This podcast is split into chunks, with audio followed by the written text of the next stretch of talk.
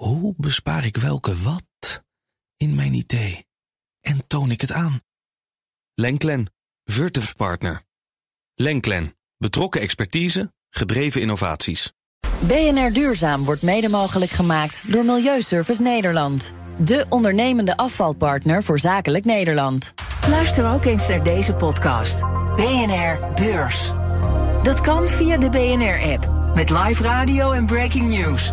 Download hem nu. En blijf scherp. BNR Nieuwsradio. Duurzaam.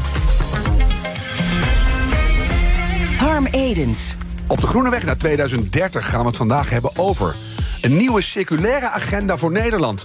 Over hoe de Rotterdamse haven naar klimaatneutraal wil in 2050. En over wat Nederlandse politici kunnen leren van Joe Biden als het gaat om klimaatframing. Veel burgers zijn helemaal niet bezig met het klimaat. Je zorgen maken over de toekomst is een luxe voor hen die bestaanszekerheid hebben.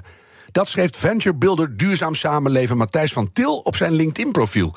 Hij deed dat naar aanleiding van de verkiezingszegen van de PVV. Van Til stelt dat de groene boodschap anders moet worden gecommuniceerd. Maak jij je zorgen om je energierekening, dan isoleren wij je huis. Jij wil dat Nederland weer soeverein wordt, daarom bouwen wij ons eigen energiesysteem. Jij wil betere zorg, dus wij gaan zorgen dat er minder mensen in het ziekenhuis komen door schonere lucht en water en gezondere voeding. Jij wil minder vluchtelingen, dus wij gaan zorgen dat ze minder reden hebben om te vluchten. Jij vindt de boodschappen te duur, dus wij maken een nieuw en beter betaalbaar voedselsysteem. We moeten de boodschap anders framen, zegt hij. Net als Joe Biden in de Verenigde Staten deed. Die wist een mega grote Green Deal door het congres heen te loodsen. door het Inflation Reduction Act te noemen. Ik ben Harm Edens. Dit is BNR Duurzaam. En ons groene geweten is deze keer Klaske Kruk van Circularities.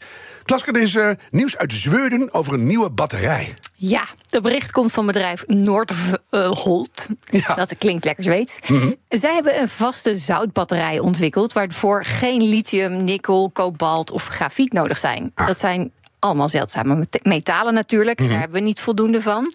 En vooral de manier waarop ze gewonnen worden is alles behalve duurzaam. Deze zoutbatterij is volgens de Zweden relatief makkelijk te produceren. En dat maakt de weg vrij voor energiebatterijfabrieken in Europa. Ja. En nog een voordeel: de energiedichtheid is ook nog eens wat hoger dan een lithium-ion batterij. Dat is echt goed nieuws. En wij maakten in maart van dit jaar een aflevering over Elestor. Dat is een Nederlands bedrijf dat ook pioniert met een zoutbatterij. Heel belangrijk, want zo kunnen we die energie uit zon en wind langdurig gaan opslaan. Dat is echt nodig in die uh, energietransitie. Luistertip dus. Heel ander bericht, maar minstens net zo belangrijk. Jullie, en dan bedoel ik Circularities, lanceren een circulaire agenda voor Nederland. Klopt. Onze boodschap aan het nieuwe kabinet, hoe dat er dan ook uit gaat zien, hè? Mhm. Neem circulaire economie mee in je plannen. En meer dan 60 partijen, zoals banken, investeerders, kleine en grote bedrijven, alle provincies, gemeenten, kennisinstellingen, die hebben allemaal ons plan ondertekend. En ons pleidooi is: een stevige grondstoffenstrategie is nodig om de leveringszekerheid van grondstoffen op korte en middellange termijn te vergroten. Ja. En onze agenda sluit helemaal aan bij de gedachte uh, waar jij het net over had, uh, Harm. Uh, anders framen van duurzame plannen. We laten in die agenda zien wat circulaire plannen ons economisch en maatschappelijk kunnen opleveren. Ja, dat is echt veel. Jullie doen 15 concrete voorstellen. Bedrijven helpen om de risico's in kaart te brengen, zoals grondstoffenschaarste en strenge milieuwetgeving bijvoorbeeld. En je pleit voor bepaalde fiscale voordelen. Leg dat nog even uit. Ja, dat gaat om belastingsvoordelen voor burgers die duurzame keuzes maken.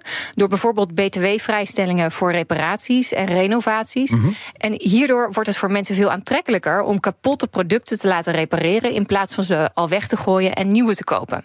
Nou, er staan nog veel meer dingen op. En alle voorstellen vind je op onze website circularities.com. Ja, en uh, duurzaamheid voor ons allemaal. Dat is mooi. Precies. BNR Duurzaam.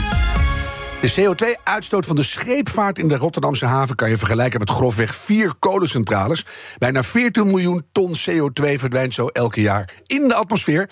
Daar wil het havenbedrijf iets aan doen. Gelukkig maar, roep ik. En uh, Nico van Doorn is uh, van Ports of Rotterdam. Dat moet dan meteen weer heel international. en hij moet die transitie naar een duurzame haven in goede banen leiden. Nico, fijn dat je er bent. Uh, die getallen die ik net noem, die, die zijn alleen nog met de scheepvaart. Hè. Als je de activiteit van de hele haven daarbij optelt, oh, toch veel meer. Ja, dan komt er nog wat bij, dat klopt. En nog uh, stikstof en andere troep. Dus. Er is ook stikstofuitstoot, dat klopt ook. Ja, Dus hoe ga je dat allemaal doen? Heb je daar een beetje zicht op wat er allemaal nu uh, zo geproduceerd wordt wat we niet willen? Nou, al, al heel lang. Ik denk dat wij al, uh, al een jaar of tien bezig zijn met het, met het maken van plannen. En gelukkig zien we nu dat die plannen ook tot werkelijkheid komen. Dus uh, ja, we hebben goed zicht. En ja. we zien ook activiteiten die leiden tot verbetering. En je hebt zelfs ook een idee waar je heen wil. Vind het wel mooi. In 2016 stond ik, ik weet het echt nog heel goed, op het cruiseschip de SS Rotterdam. Met 164 bedrijven voor mijn neus. Samen goed voor meer dan 20% van de CO2-uitstoot in Nederland. Toen hebben we met elkaar afgesproken dat de haven CO2 werd en uh, neutraal werd en ook circulair. Hoe ver zijn jullie ondertussen? Ja, het was toen uh, een vijfde van de uitstoot van Nederland kwam, uh, kwam uit de haven.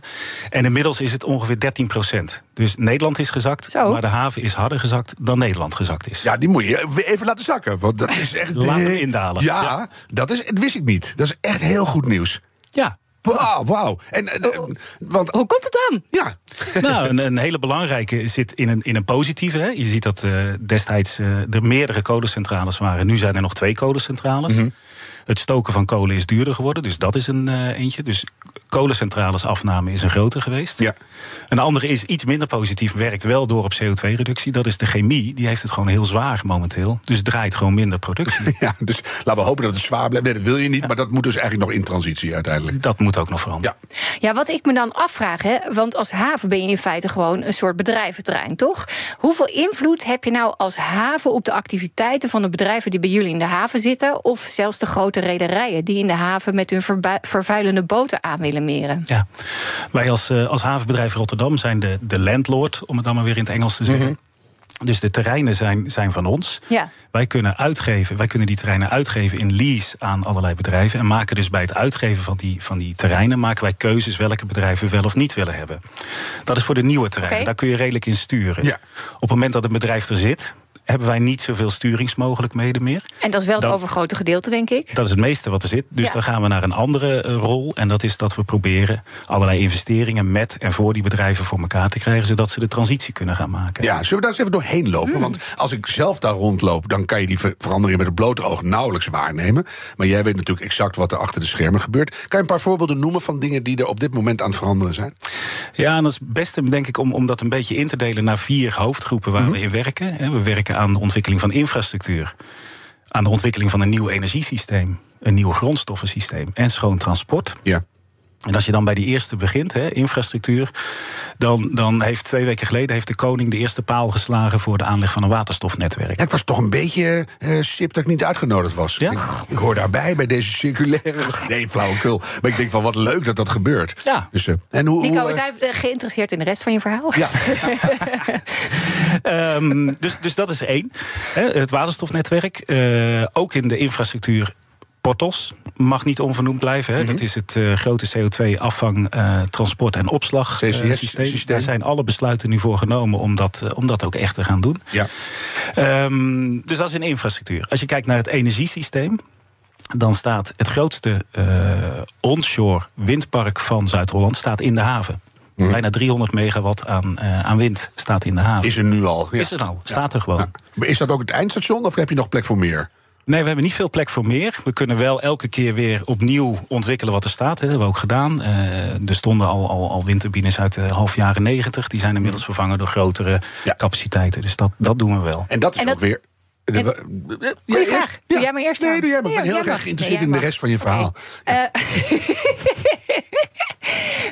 en al die energie die jullie daar zo opwekken... die is dus ook echt voor de bedrijven die op jullie bedrijventerrein zitten? Of ook voor de omgeving? Nee, ook voor de omgeving. Het gaat gewoon op het net. Ja, precies. En, en, en, en in het net zit het volgende probleem. Want congestie ja. speelt wel uh, een grote ja. rol momenteel en, in de haven. En daar lag weer mijn vraag in het verlengde van. Dus Goeie we zitten toch op dezelfde golflengte. Dat uh, wil je al die schepen die gaan aanmeren bij jullie... uiteindelijk voorzien van groene walstroom... dan is dat misschien wel een goede manier om het uh, niet in het net te pompen... maar meteen in die schepen. Ja, ja, dus dat, dat is ook inderdaad eentje die speelt. Hè.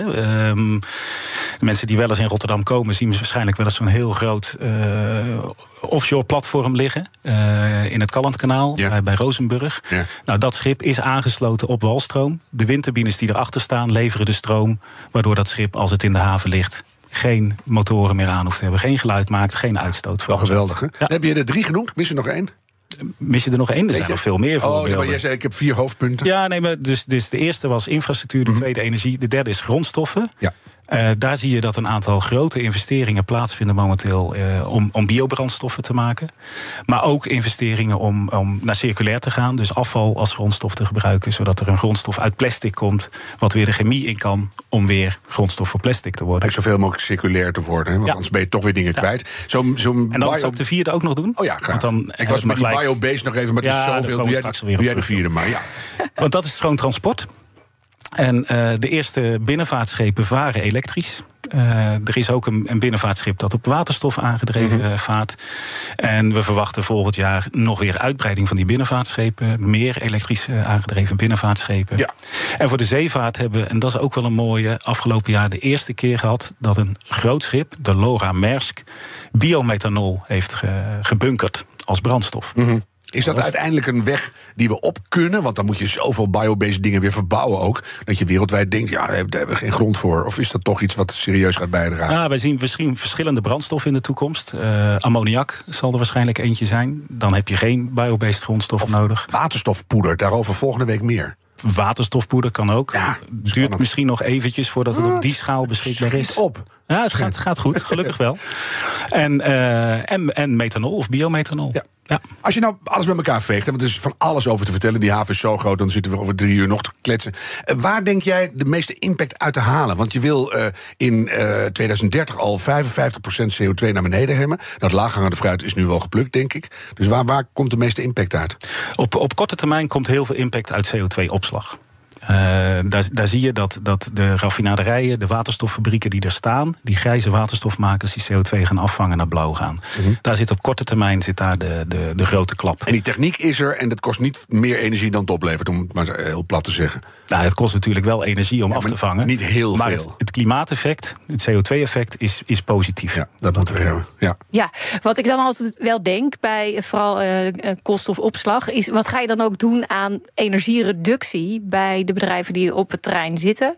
Uh, en de, en de, de vrachtschepen natuurlijk. En ook, wat ga je doen met die andere schadelijke uitstoffen, zoals bijvoorbeeld fijnstof en stikstof? Want klimaat is natuurlijk hot en hip, hip en happening. Mm. Iedereen heeft er mening over. Maar we hebben natuurlijk nog veel meer issues. Ja. Wat gaan jullie daaraan doen? Nou, gelukkig gaan een aantal van die dingen gaan samen op. Dus op het moment dat je naar elektrisch aangedreven schepen of trucks gaat, dan, dan lever je ook je bijdrage aan andere uitstoot. En ook uh, aan, aan, aan fijnstof bijvoorbeeld, of, uh, of stikstofuitstoot. Dus dat, ja. dat gaat ja. gelukkig vaak samen op. Je hebt ook het gevoel dat je uiteindelijk niet meer, want dat, zie je in de maatschappij nog wel veel. CO2 is nog steeds het heilige graalwoord. Terwijl je, je moet, dat hele systeem moet beter. Dat zijn jullie volgens mij veel slimmer aan het doen.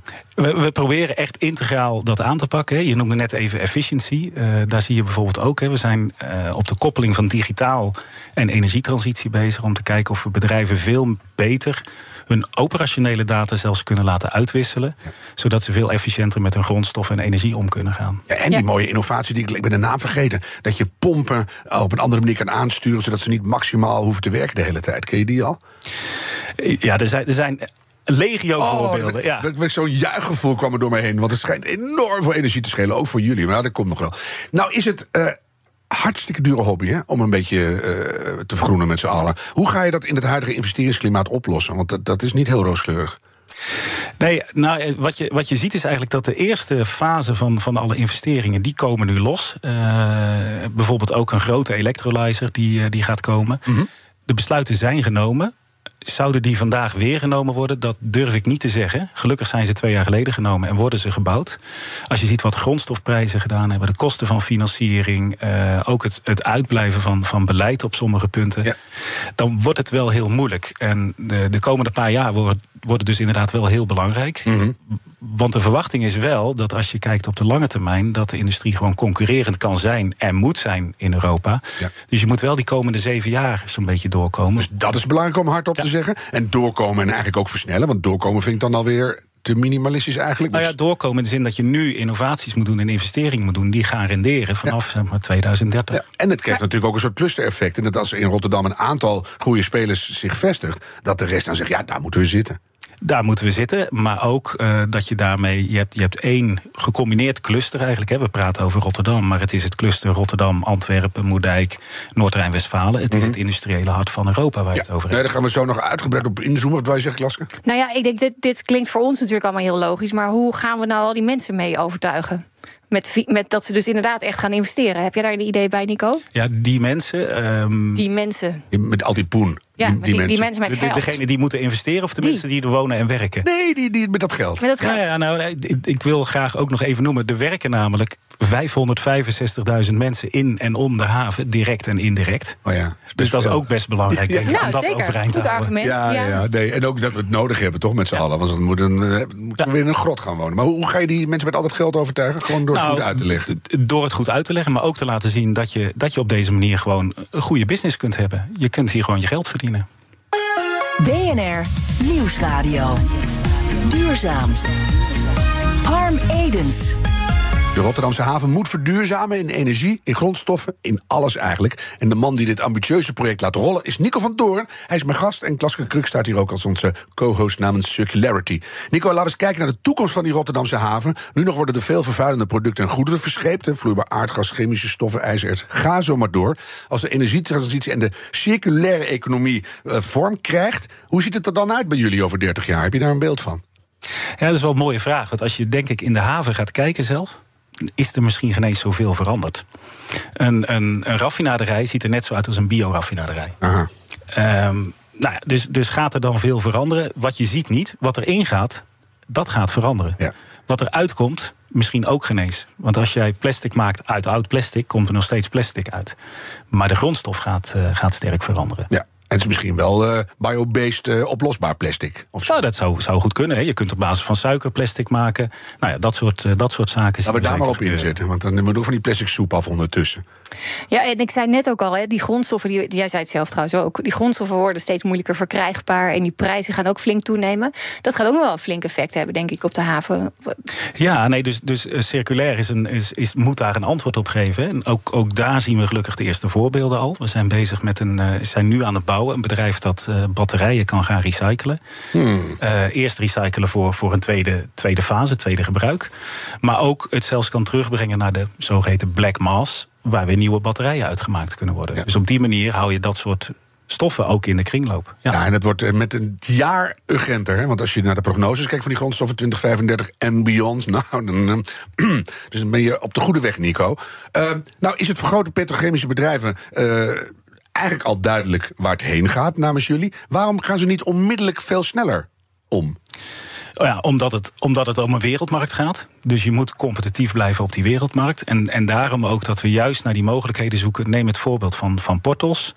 Wat we met Portos gedaan hebben, is eigenlijk een zekerheid geven aan bedrijven. Je kunt Portos? je CO2, sorry, dat is de CO2-afvang, transport en opslag. Dat Ja. grote project.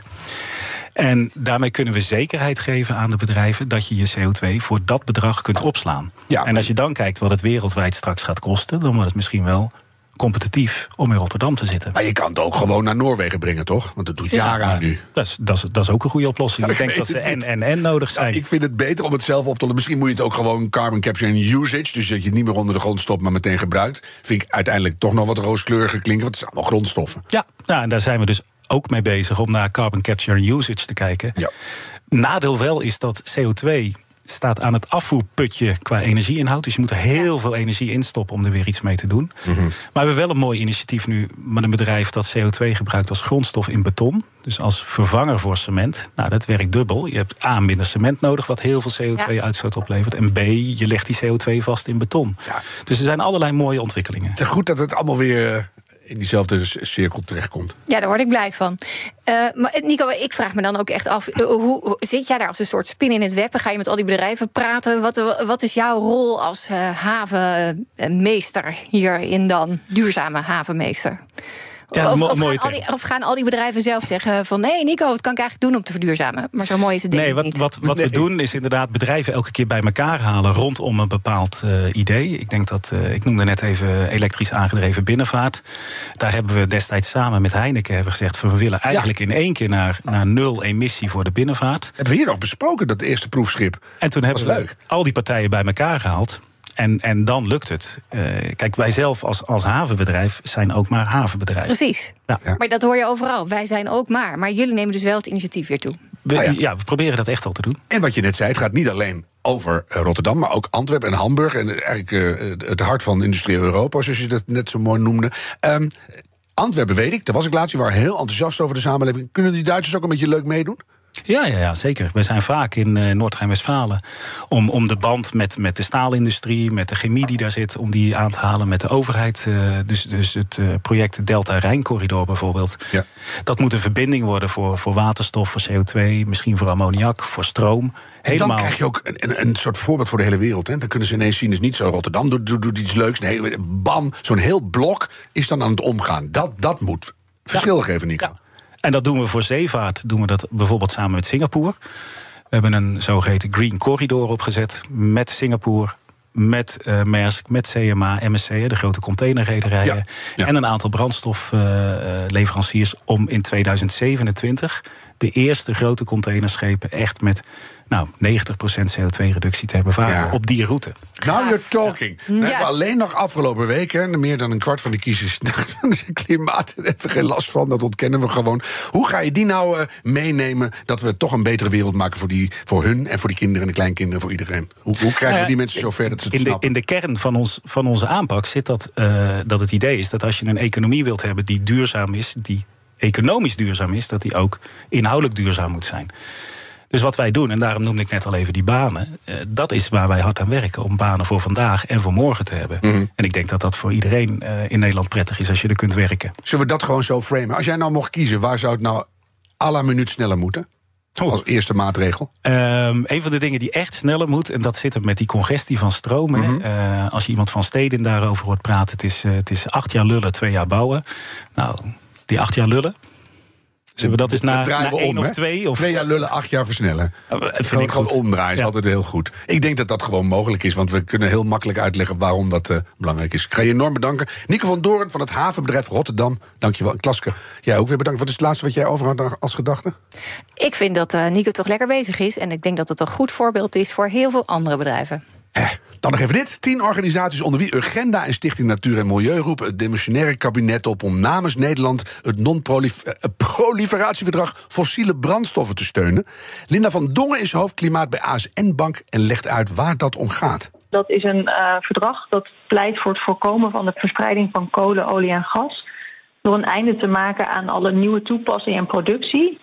Dus het pleit eigenlijk voor het geleidelijk uitfaseren van fossiele brandstoffen en het bevorderen van een uh, rechtvaardige energietransitie. En met die oproep pleiten we voor een commitment tijdens de aankomende klimaattop om een uh, nou ja, dergelijk juridisch uh, internationaal verdrag te steunen. En wij vinden dat de Nederlandse overheid dit verdrag zou moeten steunen en moet pleiten voor de afbouw tijdens de klimaattop en tevens hier steun voor moet zoeken bij andere regeringen. Loud en clear. Dus meneer Jette, tekenen maar, zou ik zeggen, dat non-proliferatieverdrag. Kijk, ik kan het gewoon zeggen. Dit was BNR Duurzaam, de groene weg naar 2030. Laten we die met z'n allen nemen en een beetje doorlopen graag. De tijd van treuzelen is voorbij. BNR Duurzaam wordt mede mogelijk gemaakt door Milieuservice Nederland. De ondernemende afvalpartner voor zakelijk Nederland. Hoe bespaar ik welke wat in mijn idee?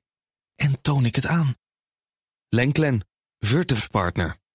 Lenklen. Betrokken expertise, gedreven innovaties.